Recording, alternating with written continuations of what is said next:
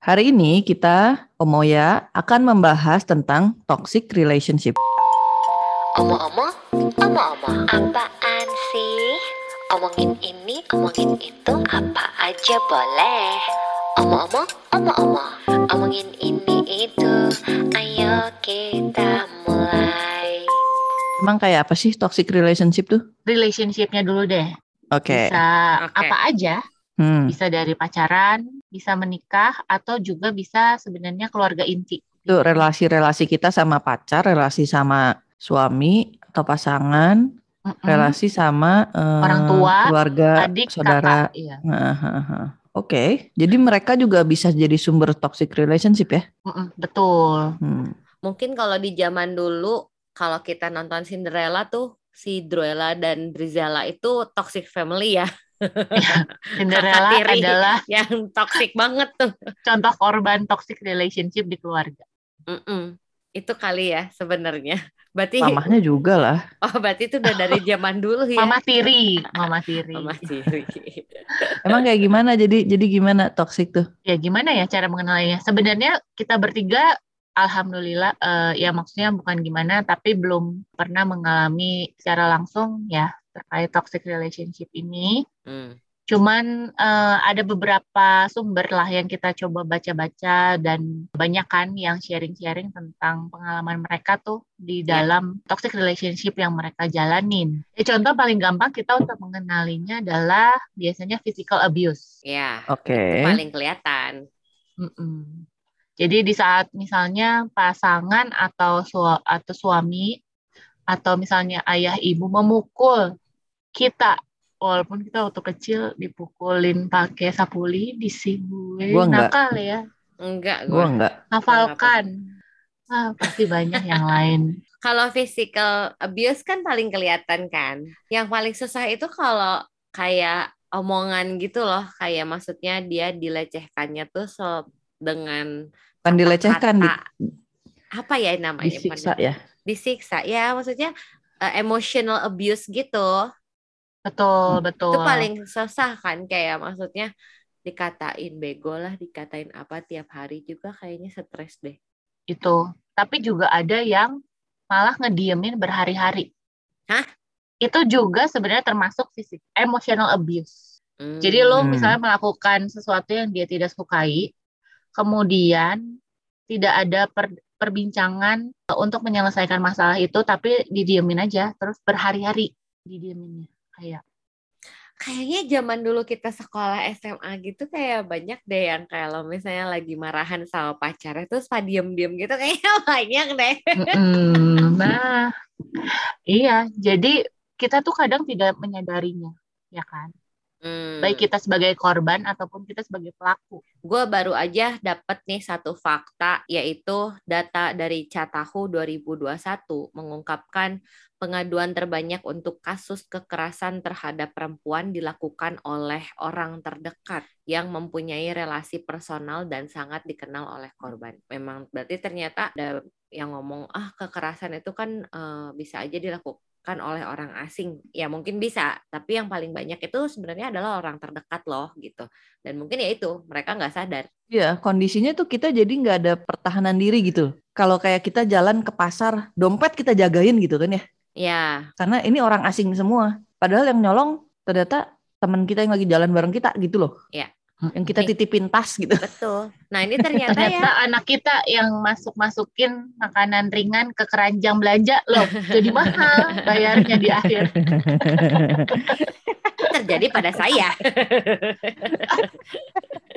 Lalu ada lagi nih dari fakta kalau yang ini faktanya adalah sumbernya dari modul Yayasan Jari ya. Faktanya adalah tidak semua kekerasan berbentuk kekerasan fisik, ada pula kekerasan psikologis, kekerasan dalam bentuk verbal seperti menghina atau membentak dengan kata kasar atau menyakitkan, menakut-nakuti, memfitnah dalam tanda kurung melalui sosial media tanpa bukti, membatasi kegiatan sosial, mengancam perceraian berulang kali atau membohongi pasangan. Ternyata bohongin pasangan juga adalah salah satu kekerasan loh.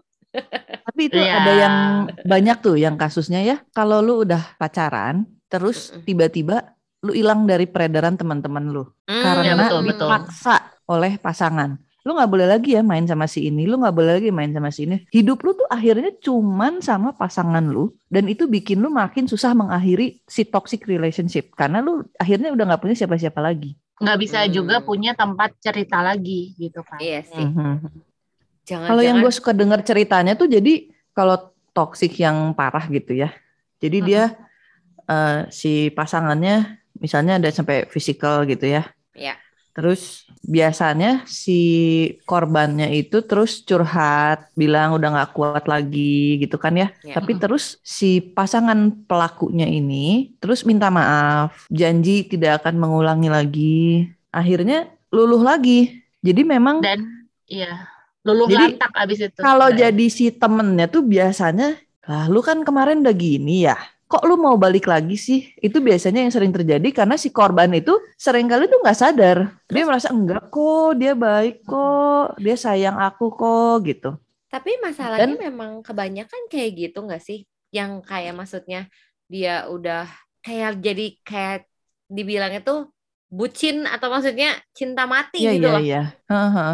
Ya, makanya itu akan jadi kasus yang berat karena si korbannya tidak sadar. Kalau si korbannya sadar, dia akan segera pergi dong dari hubungan yang seperti itu. Iya betul. Gitu. Betul.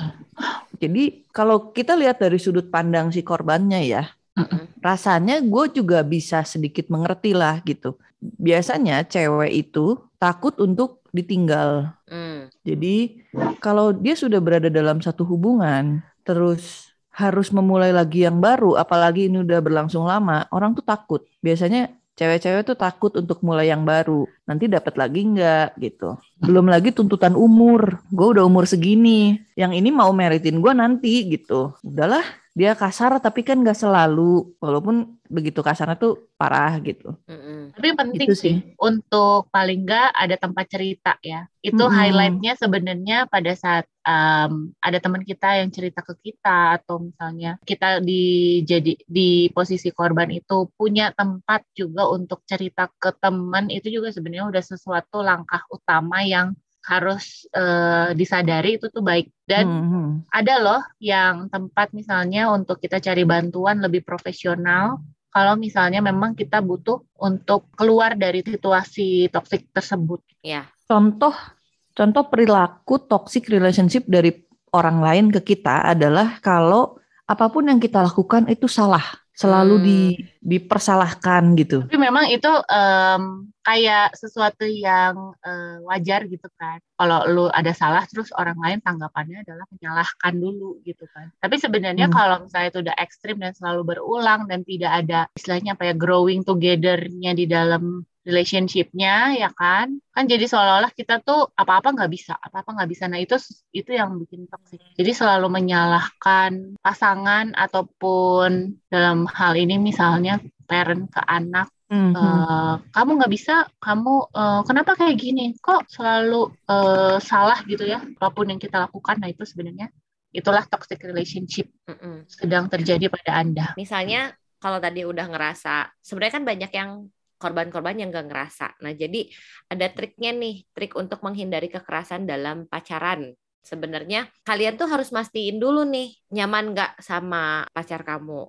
Terus dia ngasih ruang diri sendiri diri untuk kamu sendiri nggak? Sebenarnya kan kalau misalnya yang membatasi itu kayak tadi kan berarti dia tidak memberikan ruang untuk diri sendiri gitu ya, untuk dirimu sendiri. Nah, Hmm. percaya kalau nggak percaya ya dilarang-larang ini ya itu posesif kali ya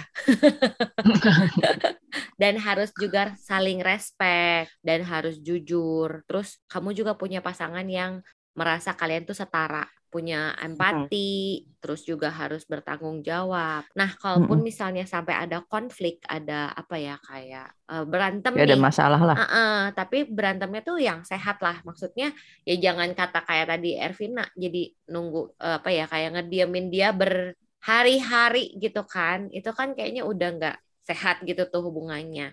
Dan kalau misalnya ber- pergi berdua bersama itu tuh adalah waktu yang menyenangkan. Nah, jangan juga misalnya lagi pergi berdua tiba-tiba dipukul kan itu udah nggak menyenangkan ya. Dan kadang-kadang kalau misalnya gua ada temen yang cerita kayak gitu, gue tuh cuma cuman suka bertanya ya, terus lu tuh nggak nggak kepikir untuk ninggalin gitu maksudnya udahan gitu ya ya dia suka ngomong kayak kepikiran sih kepikiran tapi dah ya itu yang kayak kata Dita tadi tapi dia tapi dia gimana? Dia teh baik dia tuh orangnya uh, sayang sama gue juga kok gitu. Jadi susah ya kadang-kadang hal seperti ini memang hmm, mungkin ketika kamu di dalam lingkungan itu kamu tuh nggak melihat. Tapi ketika orang lain tuh melihatnya dengan mata yang lain jadi dari point of view yang lain baru dia merasa bahwa lu tuh hubungannya nggak sehat. Nah tapi memang yang susahnya adalah meyakinkan si orang yang di dalam toxic relationship itu sadar gimana tah ngebanguninnya. Ya, maksudnya kan salah satunya kita bikin podcast ini siapa tahu yang denger tuh nggak pernah mikirin ini gitu. Bener juga. Jadi kalau misalnya kalian punya hubungan terus mik dengerin yang tadi Puput sebutin itu, kok nggak ada semua ya? Dia nggak kasih gua ruang sendiri, dia nggak percaya sama gua, dikit-dikit ditanyain, terus nggak pernah respect, ketahuan suka bohong, hmm. dia si pasangan selalu merasa lebih tinggi dari kita. Hmm. Terus kalau ada konflik kabur eh, dalam arti tujuannya menghukum ya yang tadi ya, mendiamkan bener. itu. Karena gue sebagai orang cancer yang biasa ghosting ya, gue kalau ada masalah biasanya gue butuh waktu sendiri, bukan tujuannya menghukum, beda ya, tolong. Ya, beda juga kalau misalnya kita emosi, terus kita kayak menenangkan diri kita, dulu diam dulu berpisah uh, maksudnya kayak take time masing-masing entah di mana tapi ya paling enggak hitungannya mungkin jam kali ya. Enggak sih kalau gue rasa Itulah. gini, lu boleh. Enggak, gue bisa hari. Enggak, lu boleh, tapi lu ngomong dong, eh gue lagi butuh waktu sendiri ya, gitu. Tapi kan uh, tetap ngabarin. Gue biasanya untuk ngomong itu pun gue udah nggak bisa, tapi dalam arti gue akan kembali gitu. Tapi gue tuh butuh memperbaiki diri gue sendiri dulu, oh. bukan tujuannya menghukum. Ya tapi maksudnya lo nggak bisa gitu ngasih kabar ke kita kita, eh gue lagi nggak mau diomongin, nggak mau ini, pokoknya gue mau pergi dulu tergantung ya. Tergantung gimana mood, gitu. tergantung separah apa. Oke. Okay. Ya, ya ini kembali ke sini ya, jangan bahas gue. Iya intinya adalah uh, kita akan bahas nanti di belakang yang Dita. Cuman maksudnya hubungan relationship ini harus bisa saling uh, mendukung untuk membuat masing-masing menjadi lebih baik di dalam relationshipnya gitu. Betul. Jadi di saat ada salah satu pihak yang membuat pihak lain merasa terbatas atau jadinya juga um, bukan dirinya dia sendiri juga terus nggak dapet tadi yang disebut sama Puput dan Dita ya itu adalah sebenarnya udah toksik dan kita juga ngerti sih seberapa susahnya untuk keluar dari toxic relationship itu ya kan juga tidak semudah membalikan telapak tangan kan. Ya. Uh, mungkin kita udah ada niatan, tapi juga kita kayak gimana nih persepsi orang lain kalau misalnya ngelihat kita uh, misalnya udah dalam pernikahan, terus kita keluar dari pernikahan itu alias misalnya bercerai gitu kan. Itu kan juga sesuatu yang misalnya dalam agama pun juga agak sulit untuk bisa menerima hal tersebut. Tapi paling nggak cari bantuan dulu untuk kita bisa lebih terbuka lah kalau misalnya ada teman kita yang kita curhatin bertahun-tahun gitu ya. Karena ini nggak mungkin kejadiannya cuman dalam hitungan hari atau bulan. Nah, nanti bareng-bareng kita bisa sebenarnya mencari bantuan di luar yang uh, teman kita, maksudnya yang lebih profesional. Oh, dalam dalam relation kan intinya kita pengennya happy. Kalau orang toksik tuh ya korban yang nggak sadar kadang suka ngomongnya tuh tapi gue happy kok sama dia. Nah coba dipikir ulang banyakkan happy-nya apa enggaknya? Hmm. mangkalnya lebih banyak enggak? Happy-nya biasanya cuma sesekali pas dia minta kalau dalam relationship itu juga tidak selamanya hanya uh, happiness aja ya memang. makanya banyakkan mana nih? Ya kalau udah banyakan yang lebih nggak happy-nya, happy-nya tuh biasanya cuma pas dia minta maaf deh, pas lagi yeah. dibaik-baikin terus langsung balik lagi tuh kelakuannya. Nah, itu yeah.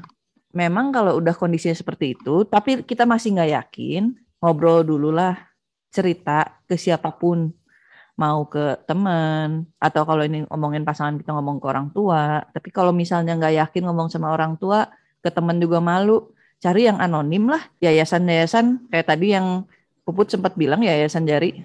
Ya, itu adalah non-profit organisasi ya yang membantu masyarakat untuk penyintas kekerasan dan untuk melakukan pencegahan pelayanan korban kekerasan, pendampingan psikologis, medis, dan hukum. Bantuan-bantuannya itu terbagi beberapa fungsi sebenarnya. Jadi hmm. ada untuk menerima laporan, itu berbeda lagi ada yang namanya Komnas Perempuan atau Kemensos itu dari pemerintah sendiri pun sudah membuka layanan itu. Kemudian kalau misalnya yang seperti yayasan pulih itu lebih ke arah uh, untuk membantu ke arah pemulihan dari trauma dan penguatan dari psikososial uh, korban.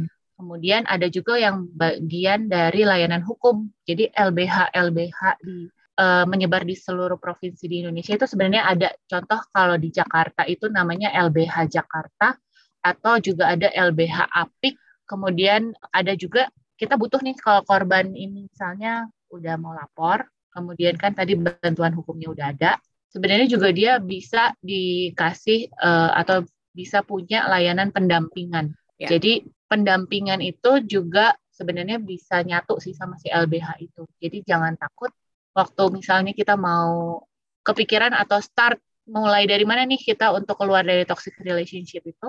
Setelah misalnya kita sudah berusaha ya uh, ya paling nggak kan mengenali kemudian juga cerita ke orang dan mungkin ada perbaikan-perbaikan usaha perbaikan yang dicoba di antara uh, kalian berdua gitu ya tapi tidak berhasil nah ini mungkin uh, way outnya adalah ya sampai perlu ke ranah bantuan hukum yaitu ada LBH kemudian bisa lapor juga untuk penanganan lebih ke arah pemulihan kita dari trauma itu ada tadi Yayasan Jari sama Yayasan Pulih. Ini yang kita lihat mungkin bisa jadi bantuan teman-teman juga. Ya, itu kalau ke ranah hukum sih kalau udah ada kekerasan fisik dan seksual ke kemungkinannya ya. Ya, betul, betul. Tapi kalau misalnya bingung, nanti bisa cari juga misalnya di lokasi di luar Jakarta, Bandung, ada nih at cari layanan di IG gitu nanti bisa cari di mana ya kira-kira organisasi apa yang atau lembaga apa terdekat. yang ada di lo, terdekat yang bisa dihubungi hmm, ya. Hmm, hmm. Jadi sebenarnya untuk para korban sebenarnya you are not alone ya. Jadi memang sebenarnya dari data-data yang tadi gua kasih juga berarti menandakan bahwa kekerasan di dalam satu hubungan atau di maksudnya KDRT ataupun masih pacaran itu berarti sebenarnya ada dan mungkin aja ada di sekeliling Banyak. kamu loh gitu maksudnya teman-teman hmm. terdekat atau ternyata di rumah gitu misalnya gitu ya jadi mungkin buat hmm. teman-teman semua buat Omoya di sini kalau yang memang merasa barusan kayak oh kok ini kayak gue banget gitu ya jangan lupa untuk coba cari bantuan tapi gue mengapresiasi Puput dan Dita ya misalnya dapat curhatan juga kan tadi yang diceritain dari ya. entah siapa itu uh, untuk kalau misalnya dapat curhatan kayak mengencourage dari sisi korban untuk keluar dari situasi tersebut dan bukan menyalahkan si temen ini. Jadi mungkin elunya kali ya nggak bener emang elunya oh, kali untung, waktu itu untungnya kita belum gila ya, aneh, ya Dit ya. gitu gue nggak terpikir sih ngomong gitu cuman oke okay. bisa ya bener kan? juga ya bisa ada orang gue nggak kepikiran gitu ya. bener gue juga iya iya kan? karena gue mikirnya ya itu mah atau elunya aja yang bodoh kayak maksudnya mau digituin gitu kan karena gue dari dulu pernah selalu punya prinsip biasanya gini ya jadi kalau misalnya ada satu orang uh, udah sering bohong bukan sering ya maksudnya lu pacaran nih terus ketemu sama cowok yang pernah bohongin lu sekali lu lihat deh kalau kali kedua dia bohong udah tinggalin aja karena pasti akan ada ketiga, keempat, kelima dan keenam. Biasanya begitu. Dan kalaupun mm-hmm. sama, misalnya dia uh, mukul sekali, oke, okay, sekali gue masih kasih toleransi. Tapi ketika dua kali mukul, udah lu tinggalin karena pasti akan ada ya itu selanjutnya tiga, empat, lima, enam. Begitupun yeah. sama alkohol ataupun judi. Jadi iya. menurut nah, gue tapi kan kalau kayak misalnya nih, put hmm. didiemin berhari-hari, ah itu mah lu nya aja kali baper, kan bisa juga kan. Kayak, tapi kalau itu ya udah kali, kalau kayak gitu mah biasa aja kali. Ya, ya tapi mana lu? Ya salah satu penyalahan korban. Iya, tapi lu harus kayak punya batasan dong limit ketika dia ngegituin lu udah berkali-kali, maksudnya lebih dari dua atau tiga kali. Jadi maksud gue lu harus punya limit di mana lu ngerasa digituinnya tuh udah kebanyakan gitu loh maksud gue. Hmm, jadi kalau misalnya Betul, ada ya temen, temen gue cerita ke gue tuh gue cuma nanya ini uh, baru gitu kan? Enggak. Keberapa? Terus kalau dia udah sampai bingung nggak bisa jawab gitu kayak berarti kan udah berkali-kali dong. Maksudnya hmm, diginiin ya terus ya lu kenapa harus masih sama dia gitu kan? Ya maksudnya ya itu mungkin butuhnya seorang pendamping atau orang di luar hubungan itu tuh untuk melihat bahwa si hubungan itu sebenarnya sehat atau enggak gitu kan. Betul. Tapi kebanyakan karena kalau yang di dalamnya itu udah nggak bisa lihat gitu. Biasanya tuh kalau cuma tuh mangmu, jadi makanya dia buta gitu, blind ya itu lah, bucin kali ya. ya. Iya. Tapi juga jangan sampai gini. eh ya udah lu harusnya keluar dari toxic relationship itu karena ini nggak bagus. Tapi habis itu kita caranya sampai me- menyudutkan dia untuk kapan nih, kapan nih gitu. Lebih berempati lah dengan Ya, pemikiran-pemikiran mereka apa yang menjadi struggle-nya untuk mereka belum keluar juga gitu kan. Karena nggak semudah itu loh untuk bisa keluar dari toxic relationship. Ya, Dan betul. untuk ang- angkatan kita nih yang seumuran kita kan kebanyakan udah merit. Hmm. Biasanya Hmm. punya problemnya adalah kalau gue curhat tentang suami, maka gue seperti mengumbar keburukan rumah tangga gue. Ya. Dan itu dianggapnya suka nggak boleh. Kalau sampai ada yang cerita dan dia kelihatannya nggak open karena masalah itu, ya arahin aja ke profesional yang tadi eh, link-linknya udah kita sebutin gitu. Ya, Tapi juga awareness-nya sebenarnya yang tadi kita mau bahas yang Dita sebenarnya. Apakah sebenarnya kita yang toxic? Apakah kita pelakunya gitu kan? Karena sebenarnya wanita sebagai pelaku pun juga ada. bukan hal yang aneh. Iya, Betul. jangan-jangan lebih banyak lagi. Kita nggak tahu sih surveinya, by the way. Cuman kita kan juga perlu mengenali eh, ciri-ciri tersebut apakah juga kita melakukan ke orang lain, terutama orang lain yang terdekat buat kita ya, keluarga, pasangan, atau bahkan teman-teman kita gitu. Ya bahkan kalau kita bisa ke anak loh kalau gua. Makanya gua kemarin kayak Mm-mm. si Kiran gue marahin terus gitu ya. Gue selalu ngomong dia bakal kayak apa ya? Tertekan gak ya hidupnya? Nah, itu Enggak, temanya enggak, parenting kayaknya. ya kalau itu parenting. gue bisa bilang enggak karena dulu gue dipukul waktu gue lagi belajar juga nggak masalah lah itu memang zaman dulu aja kayak guru ngelempar kapur gitu kan itu kan kayak itu adalah pelecehan gitu kan tapi kan enggak gitu Ya, pokoknya Kan, uh-uh. jangan mau jadi korban, jangan mau jadi pelaku. Sadar diri dan cari bantuan.